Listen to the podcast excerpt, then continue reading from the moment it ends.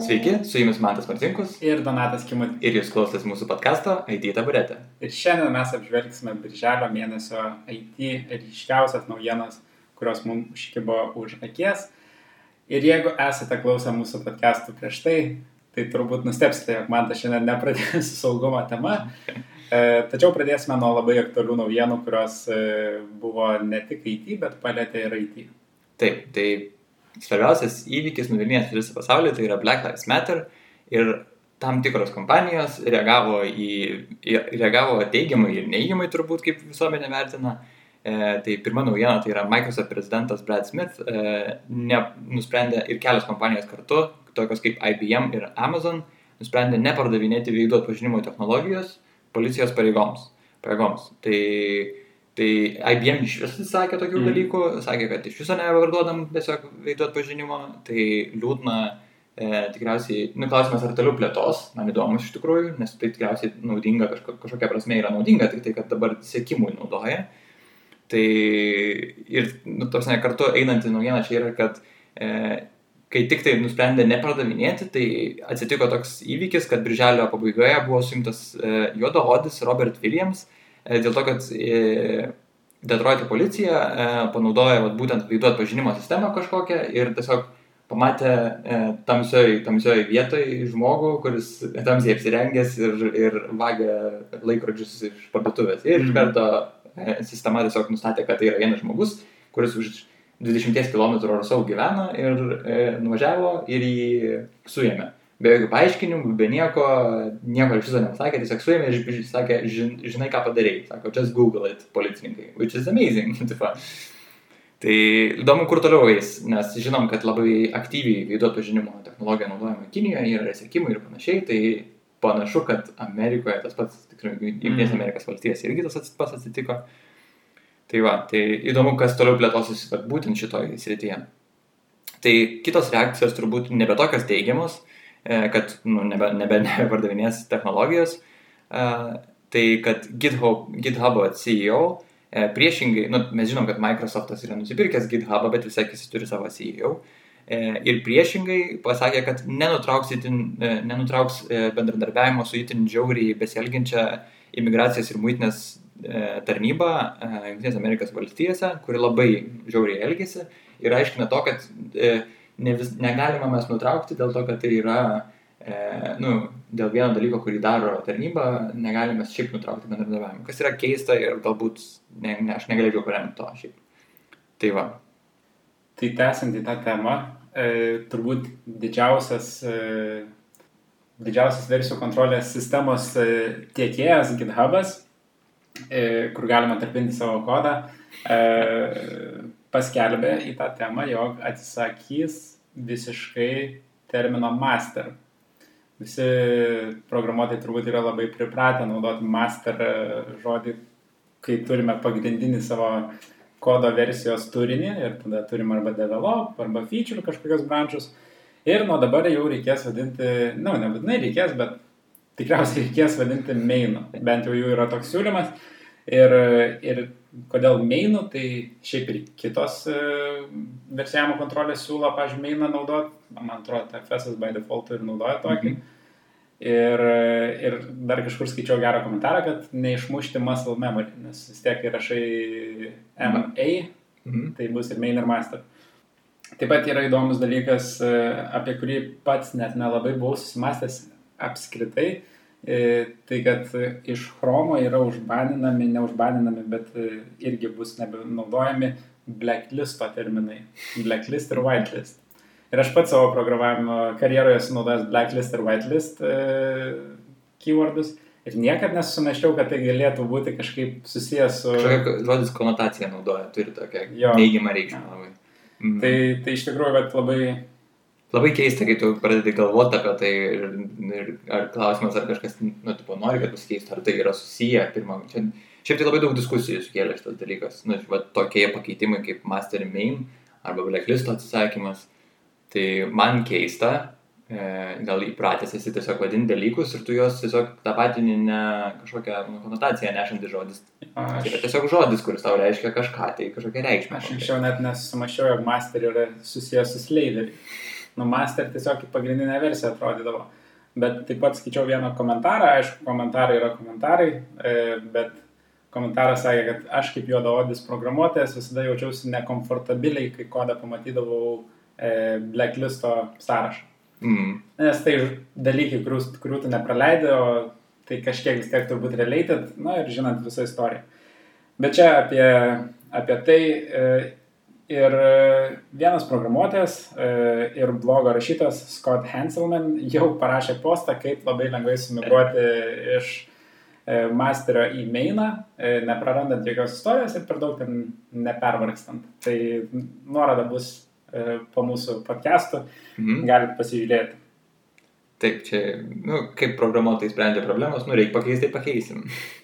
Indeed. Ja, tai, nu, tęsiant toliau, tada mes nu, nutolstam nuo tos tokios aktualios problemos.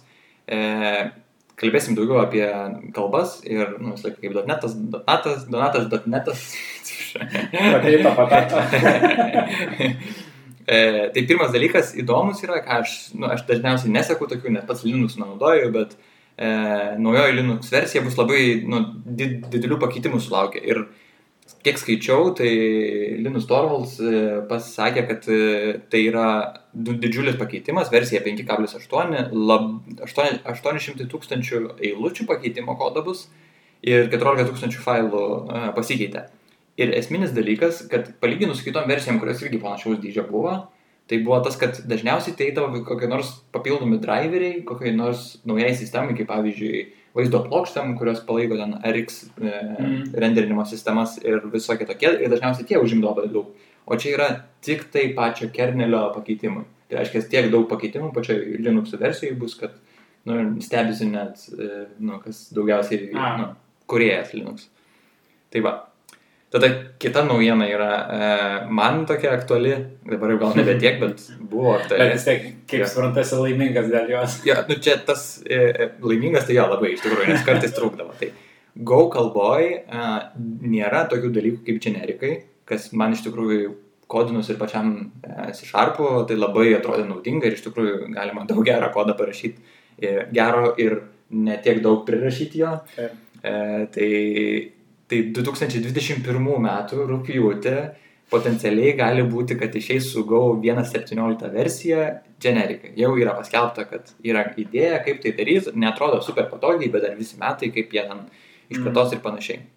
Bet išeis dabar rūpjūčio uh, mėnesį 1.15 versija uh, ir dabar kas turėjo ten išeiti, ten turėjo išeiti toksai naujas mechanizmas, kaip rašyti try catches, nes buvo labai, nu, arba error handlingas bendrai turėjo pasikeisti ir ten buvo naujas pasiūlymas ir jis atrodė iš tikrųjų gan toks fainas, bent jau man, nereikia tiek daug rašyti, nes kas žino, kol nu, kažkiek susipažinę, labai daug reikia rašyti try catchų, nu, tiksliau, if error, ten, tas, tas dalykas.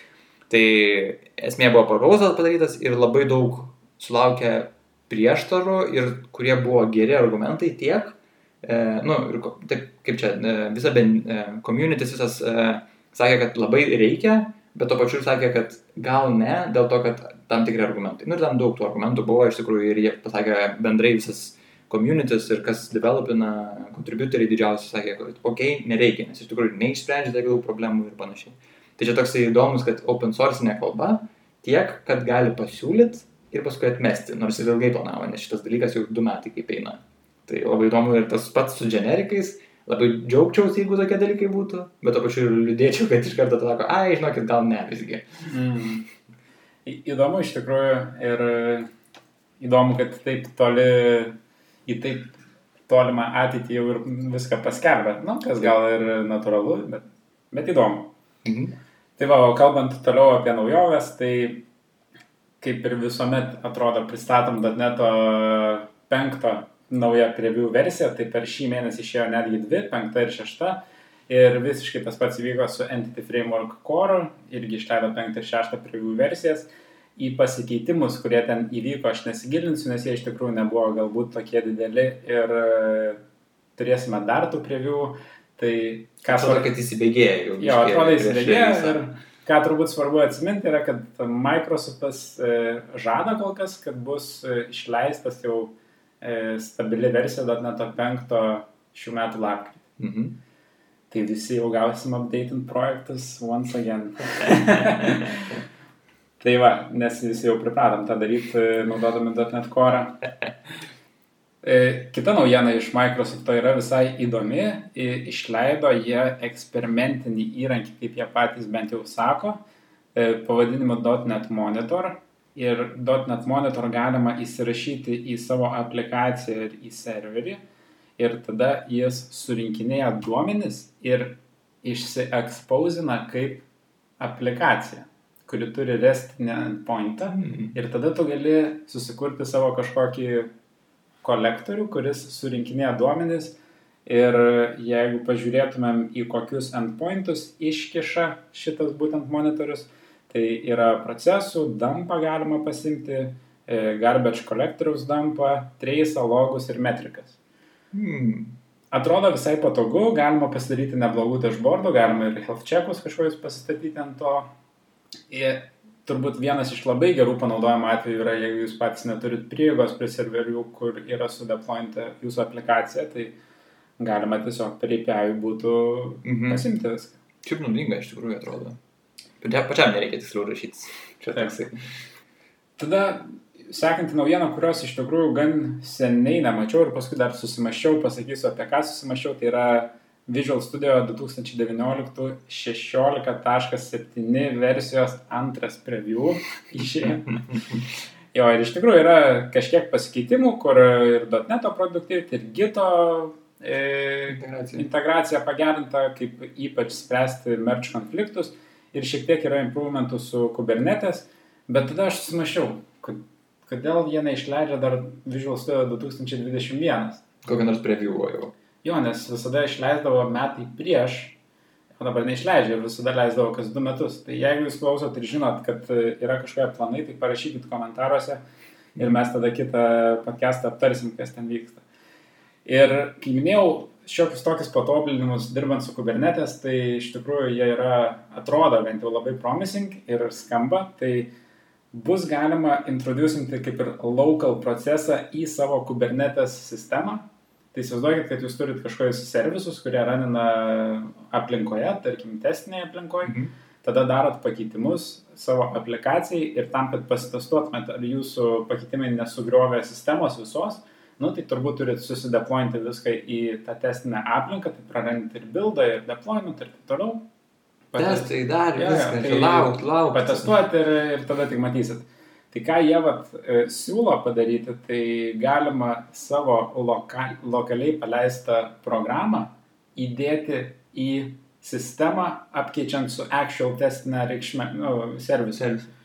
Ir, ir tada taip pasitestuoti. Tai jie taip labai nori pagerinti programuotojo produktyvumą ir tą iki rezultato pasiekimo laiką, nes nereikia laukti visada to paties Mhm. mhm. ciklo. Ir viskas atrodo labai gražiai. Iš tikrųjų nežiūrėjau detalių, kaip tai konfigūruojasi, bet ką paskaičiau komentaruose, tai kad konfigūruojasi ganėtinai sunkiai ir kad kol kas atrodo pritaikyta tik labai specifiniam atvejam. Jo. Bet pati idėja atrodo super amazing. Jo. Ir Iš tikrųjų, testinėje aplinkoje pasitestuoti savo servisą, kartu tuo pačiu naudojant viską, kas taip pat deployinta yra. Tai šiaip toksai atrodo idealus atvejis, kaip pavyzdžiui, jeigu aš turiu kaip komanda savo servisą, tik tai vieną ir prižiūriu, man nieko nereikia daugiau aplinkų keisti, tai aš galiu realiai testuoti visą apl- aplinką, tik tai savo servisą. Ir atrodo, awesome, šiaip. Tai Taip. yra būginimas, viskas, tavas me. Nu, įsivaizduokim dar idealų scenarijų, jeigu turim ge- gerą autotestų siūtą, tai tiesiog užkyti savo servisą, paleidai autotestus, viskas suveikia ir valdat. Labai patinka. Tai va, e, tada išleido Windows terminalo dar vieną preview versiją, 1.1. Mhm. E, iš esmės padarė kažkiek pakeitimų, ne tiek ir daug. E, kiek aš įskaičiau, tai daugiausiai stiliaus pakeitimų ir Mhm. shortcutų pridėjo, tai visokius spalvyčių ir taip toliau. Iš tų gifų, kurie yra įdėti jų puslapį e, ir kaip atrodo, tai atrodo realiai, nu, kaip normalus Tas- terminalas. Jo, kustomizuoti neblogai jau galima, tai visai faina irgi. Mhm. Taip, tai važiuojant toliau, tai turim tiesiog kitos naujienos, tai bendrai pavadinkim, e, ką aš pamačiau internete, tai Amazon pasiūlė tokį įdomų sprendimą žmonėm, kurie galbūt mažiau yra susiję su su kodu ir ne, nelabai gali rašyti. Tai, tai turbūt e, kažkas yra panašaus, e, Donatai, su BPF esi dirbęs tikriausiai, ar matęs bent jau truputį, tai kad galima pasidėlioti kažkokius komponentus, kažkokią sąryšį padaryti. Ir man atrodo, kad buvo toksai Silverlight kažkoks tai labai Buvo. senas Aha. dalykas, kur galima buvo padaryti duombazę susikurti, Exceliuką ir panašiai. Tai čia labai identiškai yra, ap, tu tiesiog susidėlioji Excelį, įsivaizduojamą duomenų bazę, kur turėtų sukulti įrašai, tada pereini į kažkokį e, vaizdo dėliojimo, kaip čia, režimą ir ten susidėlioji appsą, kur paskui tu gali susinstaliuoti jį arba nu, per web atsidaryti, arba gali susinstaliuoti jį e, kaip, e, kaip būna Android'e ir nu, Android'e tikrai būna bent jau, kad gali atsidaryti naršyklę tiesiog ir tai būna appsas ale. Tai va toks. Ir ten praktiškai nereikia kodinti. Tai man atrodo visai taip faina. Nežinau, kiek tai yra naudinga. Aišku, tau UI'us nereikia kodinti. Mm. Tai pavyzdžiui, žmonėm, kurie tik taip beką moka kodinti, tai pavyzdžiui, UI'us sudėlioti štai paprastai, sumėtai ir viskas dan. Tiek ir tai Mm. reikia. Paprastiem dalykam labai faina. Plus, žinom, kiek dar yra už nugaros Amazonė sėdi dalykų, tai kad tu gali prijungti, nu, tavasme, machine learning ir panašiai, ir ten visokių dalykų, o tik ne. Tai toksai visai neblogas įrankiukas atrodo. Jo. Tai va. Tai toliau e, mes turim tokią, irgi gal tokią naujieną apie Facebooką, e, kad e, daug kompanijų, kurios yra susiduria su Facebooku, tai e, labai supyko, kai e, Facebookas numoja ranką į tokius dalykus kaip e, rasizmas, smurtavimas ir e, fake news arba netikra informacija Mhm. kažkokia. Ir jie visiškai nesitvarko su tuom, tai pradėjo kompanijos e, e, rinktis į tokią bendrą iniciatyvą kaip Stop Hate for Profit, dėl to, kad e, iš tikrųjų tai kai Facebookas skleidžia tą informaciją, yra perkamos reklamos vietos ir į tą reklamų vietą įdedamos tokie dalykai. Yra. Ir kompanijos pradėjo, nu, tipo, nutraukinėti veiklą su, nebesireklamuoti ir panašiai, tai yra pakankamai didelis sąrašas iš tikrųjų. Tai tokios kaip Patagonija, pavyzdžiui, arba North Face'as, va, tokios didesnės kompanijos iš tikrųjų žino pasaulyje, pradėjo, nu, nutraukinėti Okay. ryšius okay. su Facebooku. Bet čia ne pirmas kartas, kai Facebookas susiduria su iš tikrųjų dideliam problemam su reklamom ir su kas vyksta jų platformoje. Tai va, tai tęsiant tol- toliau yra COVID naujienos, toks tradicinis dalykas turbūt. Tai vien, e, tikriausiai Lietuvoje įvyko didžiausias dalykas su COVID susijęs ir su IT, bet pirmą pradėkime nuo to, kad e, Italijos, Italijoje e, buvo išleista, mes kalbėjome apie aplikacijas, kurias naudoja kompanijos, valstybės ir valstybė galėjo tik tai vieną aplikaciją tokią turėti, nu, tas sutarimas buvo su Androidu ir su Apple ir panašiai. Tai, tai dabar Italija paskelbė open sourcinį savo aplikacijos šitos kodą, kad galėtų kitos, kitos valstybės pasimti jį, pristaikyti, išsiversti ten ir e, išsiversti visą tekstą ir Mhm. panašiai lokalizuoti. Ir tiesiog, kad galėtų visi naudotis. Ir pasirodo tokių kompanijų, e, tokių kompanijų kurios open sourcina savo produktą, yra pakankamai daug. Bus nuoroda žem, nu, e, Aprašymė. aprašyme, jo. Ir ten bus jų pakankamai daug ir parašyta, koks, kokie feature setas ir panašiai, nu, tokių dalykų. Bet dabar įdomiausias dalykas, tai kad turbūt kažkiek tai žmonės ži- žiūri kažkokias, skaito naujienas arba žiūri žinias ar whatever, e, buvo tokia naujiena, kad e, buvo balandžio mėnesį, buvo skelbiamas konkursas, kad sukurti va tokią pat aplikaciją paremtą, kad galėtų valstybė nu, trekinti žmonės, kurie e, užsikrečia. Tai, tai esmė, kad buvo sukurta e, programėlė karantinas, e, kurią e, tokia kompanija Limpo sukūrė ir esmė, kad buvo su nacionaliniu visuomenės sveikatos centru ir esmė, kad nebuvo pasirašyta jokia sutartis. Nu, ir po kažkiek tai mėnesių, tai yra vat, šį mėnesį, balandžio mėnesį, e, birželio mėnesį, e, Limpo parašė pinigų už tą e, ir tai paprašė 106 tūkstančių eurų už tą programėlę, kurią jie ten per 3 ar 4 savaitės sudevelopino, ta prasme, labai Mhm. ten pakankamai darbo tikriausiai reikėjo padaryti. Aš taip įsivaizduoju, 106 tūkstančių, man kyla klausimų, bet nu, tikriausiai žmonės įsijungia, nu, daug žmonių dirba prie to. Tai, nu, ir esmė, kad e, nebuvo pasirašyta jokia sutartis ir negaus pinigų, nors aplikacija buvo, nu, tavasi, e, papublišinta ir galėjo žmonės naudoti. Bet tada atsitiko toks daly- dalykas, kad ta aplikacija e, valstybės asmenų, asmens duomenų apsaugos tarnyba uždraudė naudoti ir kreipėsi į, į Google Play Store ir ją išjungė dėl to, kad neaišku buvo, kur duomenys apie tos žmonės nugula. Čia toks cool, tipo sukūrėt ir, turėjo, ir tada pradėjo ten visokias diskusijas, kas kam kurti duomenys, pas kažką tai ir panašiai. Žodžiu. Tai va, tai tęsim toliau, kitos didelės naujienos, ir aš taip jau daug kalbu, taip išeina. E, didelės naujienos yra tai, kad Google investuos apie 2 milijardus eurų į duomenų centrą, centro statymą Lenkijoje. Pretty cool, atrodo, kad ten nėra taip šalta, bet, bet matyti yra daug darbo jėgos, kurios gali panaudoti Google'as ir mato tikriausiai didelę perspektyvą. Jeigu 2 milijardus. 2 milijardus paslaugų e, tam e, duomenų centrui. Tai čia ne tik tas, nes Microsoft visai irgi neseniai, prieš dar Google, irgi paskelbė, kad investuos apie 1 milijardą eurų ir į nu, debesų kompiuterijos centrais, jie taip vadina, bet tai iš esmės panašu, tas duomenų centras ir panašiai. Tai čia pritikau. Galėsim važiuoti į ekskursijas į Lenkiją, pažiūrėti, kaip atrodo. Jo. duomenų centrai už 2 milijardus. E, galėtų, jeigu šald, šaldys, tai galės e, atidaryti kokį snow parką. Du vieną. Žinai, sniego užkas ir viskas. Ir šalta. E, ir kitas įdomus dalykas, ką aš tai pastebėjau, tai buvo daug sujudimo internetinėje erdvėje apie tokį elektroninio pašto dėžutę, kuri vadinasi Hey. Tiesiog. Nes Basecampas yra tokia, nu, kaip čia, interneto platforma, dalintis tutorialais ir panašiai, ten, nu, žmonės, kurie turi idėjų, kaip daryti ir siūlo ir, nu, ta prasme, galvoja. Tai jo įkūrėjai nusprendė, kad reikia e, sukurti pašto dėžutę, kuri yra priešinga ir arba kovoja su Google Inbox'u arba Google Mail'u. Dėl to, kad jis toks Google Mail'as paėmęs tokią monopoliją ir visi beveik turi Gmail'ą ir, nu, nieks nevyksta, jokia inovacija. Tai tiesiog paprastas Gmail'as, SMTP serveris, ten nieko tokio nevyksta. Mm. Google'as prideda tik tai kitų dalykų ir integruoja į tą Gmail'ą, bet iš tikrųjų tai ten nelabai kažkas yra naujo. Tai Basecampo žmonės supyko ir sako, negalima šitaip, sako, ką dar Google'as daro tokius kaip tracking pixeliai ir panašiai, nu, tipo, kad atsiuntė laišką ir tada ten trackina e, marketingo komandos visokios įmonės, panašiai, ką tu susidarinėjai ir panašiai, nu, tam spamo labai daug eina ir panašiai.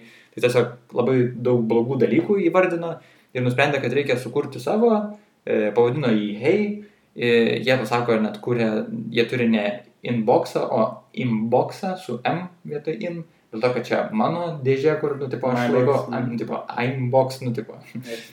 Pats nusprendžiu, tai jie ten blokuoja visus dalykus, tu pats renkiesi, tarsi, jokių nėra artificial intelligence, kurie nusprendžia, kad tai spamas ar nespamas, tai jie tiesiog pats pasak, tu gauni ma, pasirinkimą, ar tai yra spamas ir tiesiog pats nusprendė, kas tavo yra spamas, pats valdai savo dėžutę, jinai paprasta, paprasta yra. Nu ir dabar jau yra jie besinaudojančių 250 tūkstančių, 50 tūkstančių žmonių laukia eiliai, labai nori tokio dalyko. Ir nu, kaina jos yra 99 doleriai per, per metus arba 8 doleriai per mėnesį. Nėra labai daug, nu, Gmailas nemokamas, tai toksai, bet čia toksai rebelios, kaip čia būtų. Na taip, čia. Maištaujantis, kad reikia pamaištauti. Sukilęs šiek tiek. Jo. Bet gal ir gerai. Jo. Tai dar to pačiu tiesiog pridėsiu, kad e, Apple grasina pašalinti šitą Hey aplikaciją dėl to, kad, dėl to, kad Basecampas nesutinka atiduoti nuo 15 iki 30 procentų uždirbamų pinigų už tą subscriptioną Apple'ui. Nes Apple'as ima šiaip procentą kažkokį, tai va, nuo 15. Iš visų aplikacijų? Iš visų aplikacijų, kurios turi mokamas paslaugas. Įdomu, ne? Ir wow, pats ir gali, nežinau, ir gali išmesti ir, nu, tipo, gali tiesiog ištrinti tavo aplikaciją laisvai. Tai iš Facebook'o irgi ima? E, turbūt ima kažkiek. Ai, Facebook'as nemoka. Subscription, ne? Taip. Tai, nu, tipo, uždirba. Ir plus tikriausiai vartotojai nori turėti Facebooką, čia žinai toksai, o čia toksai, kur tipo ne visi nori ir ne visi. Ir enough tada jau susitarsi, yeah. supratau. tai tada aš pratesinėsiu e, su naujienomis rastomis Reddit'e e, coding ir programming sekcijose. Tai vienas iš tikrųjų labai įdomus įvykis, kuris buvo aprašytas, e, tai yra, kad žmonės kūrė Chrome extensioną 3 metus ir, nu, turėjo kaip ir savo versliuką, kadangi tas Chrome extensionas leido ne, neįgaliems žmonėms, naudojant balsą, valdyti savo naršyklę, vietoj to, kad naudotum pelę ir klaviatūrą. Mhm. Na ir jie ten 3 metus darė, turėjo apie 4000 aktyvių naudotojų visą laiką, tas buvo mokama ir iš to užsidirbo pinigus ir realiai čia jau ir buvo projektas. Nu, toksai gerų norų vedamas. Nu, atrodo, atrodo. Ir tada vieną dieną jie gavo iš Chromo laišką, kad e, ponai naudotojai šito extensiono, ne, nenaudotojai ponai kuriejai šito extensiono, yra kažkoks user data privacy issues ir e, jeigu jo nesutvarkysit, per 14 dienų mes jūs uždarysim. A. Ir nepaspecifino koks. Tai jie ten bandė spėlioti, pateikė vieną, e, padarė ten kažkiek fiksų, ten tris naktis dirbo ir taip toliau, e, susubmitino ir tada po dar kelių dienų gavo laišką, kad e, jau su kitu išiusiu, kad pas jūs visgi yra ne kažkoks privacy iššiusas, o spamas. E, jūsų yra extensionas. Tai jie ką tada padarė, nu ir jie sako, mes tikrai turėjom gan didelį aprašą, kaip naudotis mūsų extensionu, nes nu, to reikia paprasčiausiai, nu, tai turi būti instrukcijos. Bet sako, buvo ir tokių kaip ir nuorodų, kad bus galima naudotis ir Amazon, ir Facebook ir taip toliau, tai gal dėl to, nu tai sako, tiesiog just to be safe sumažinom visą aprašą de- 90 procentų. Suuploadino ir po poros dienų gavo vėl tą patį data privacy išių laišką ir jau nebebuvo laiko sutvarkyti, tai juos tiesiog užbanino ir išmetė iš Chrome. Įdomu. Tai po trijų metų darbo jie nebeteko savo extensiono. Paimų ir- šaltinio. Kol kas e, jie taip nieko ir net gavo ir šitas buvo įvykęs birželio 18. Mhm. Tai matau, kad yra ir part 2, tai turėtų būti ir part 3, galbūt tai bus pabdeitinta kažkurio metu.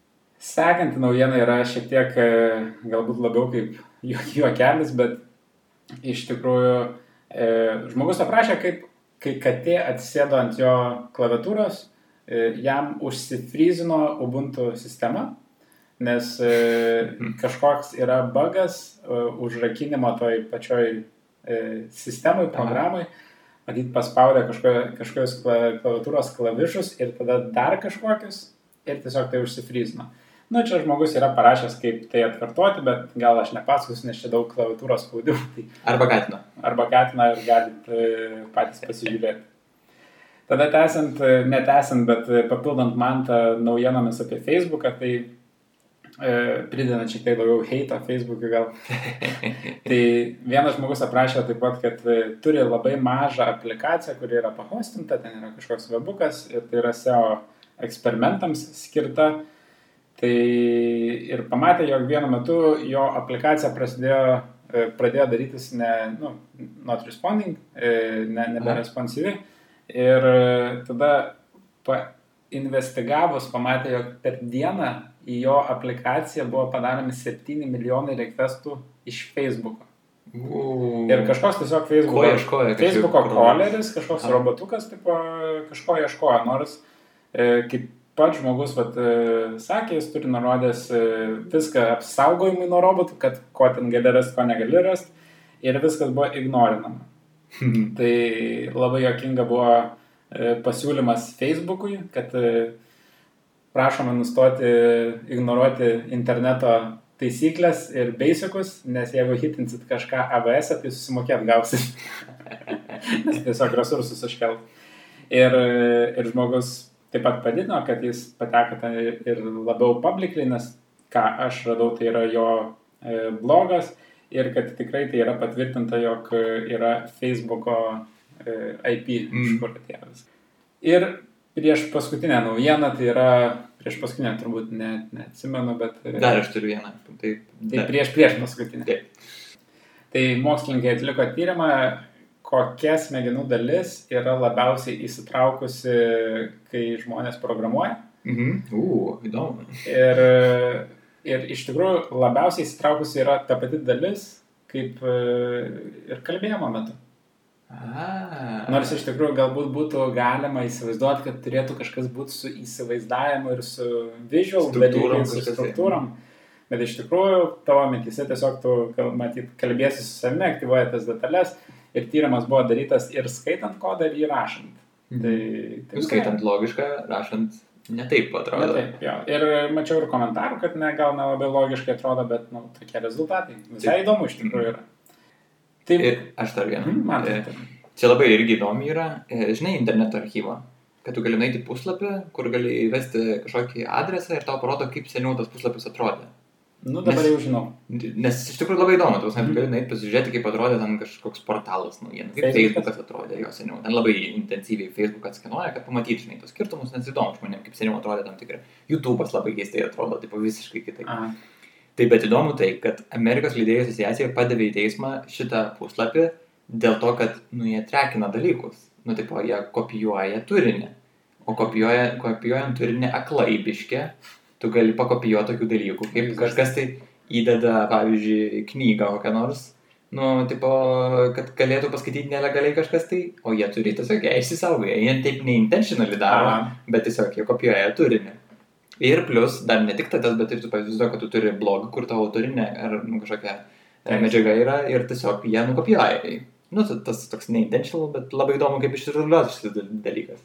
Nes man tai atrodo visai toks naudingas da- daiktas tas interneto archyvas, bet reiktų tikriausiai tokį ir supratimą kažkaip, nu, bet nežinau, kas čia. Tiesiog, net, tokia nuomonė nesuformavus, atrodo kaip ir už tai ir, nu, akivaizdu ir prieš tai, bet, ah, Nu jo. Ir užbaigiant tuomet su Stack Overflow klausimu, kuris surinko daugiausiai apvautų šį mėnesį. aha, Tai klausimas skamba taip. Praktikoje, kodėl skirtingi kompilatoriai galėtų skaičiuoti skirtingas reikšmes tokiam assignmentui x lygų plus plus i plus plus plus i. Labai vaizdingas pavyzdys. Bet iš esmės e, klausimo autorius pateikia kodą, kur priskiria integeriui i vienetą ir vėliau inicijuodamas naują integerį x e, prideda naudodamas plus plus i e, vienetą prie i, tada sudeda naudodamas pliuso ženklą prie dar kartą prie plus plus i. Nežinau, ar aiškiai pasakiau, bet galėsite pasižiūrėti e, pavyzdį. Ir, ir sako, jog tai gražina šešis, nors jis įsivaizduotų, kad tai galėtų geriausiu atveju gražinti penkis, nes kai padaro plus plus i, kai i yra vienetas, tai pasidaro 2, tada kai padaro dar kartą, pasidaro 3, arba turbūt galėtų kaip nors saugoti nuo to, bet nesaugo. O atsakymas yra labai ilgas ir kaip e, žmogus iš tikrųjų gerai aprašė, kaip kompilatorius e, išverčia ir kokius žingsnius daro, e, bet paaiškinimas yra paprastas, tai yra, kad sudėties operacija yra atliekama tik po to, kai pasibaigia įvertinimas tavo kintamųjų ir veiksmai. Tai reiškia, mes turim į priskirtą vienetui ir du kartus darom plus plus į. Tai pasidaro dvejetas, dar kartą priprisuojam, pasidaro trejetas ir tada tiesiog tris sudedam su trim ir gaunam šešis. cool, šitas geras, man patinka. Nu, aš šitą esu matęs JavaScript, Sharp'e kažkur tai. Tai kažkur esu prisimenu, kad buvo ir toksai, uuu, kaip įdomu, kodėl šitaip. Tai pasirodo tiesiog taip yra. Nu, tai labai cool, šiaip šitas. Taip, Tai viskas tada šiandien. taip, šiandienos naujienos baigtos. Ačiū labai, kad klausotės mūsų. Ačiū Jums. Ačiū, kad vis parašot, kas nors per Facebooką, labai malonu. tai gerai, su Jumis buvo Manas Marcinkus. Donatas Kimutis. Iki. Iki.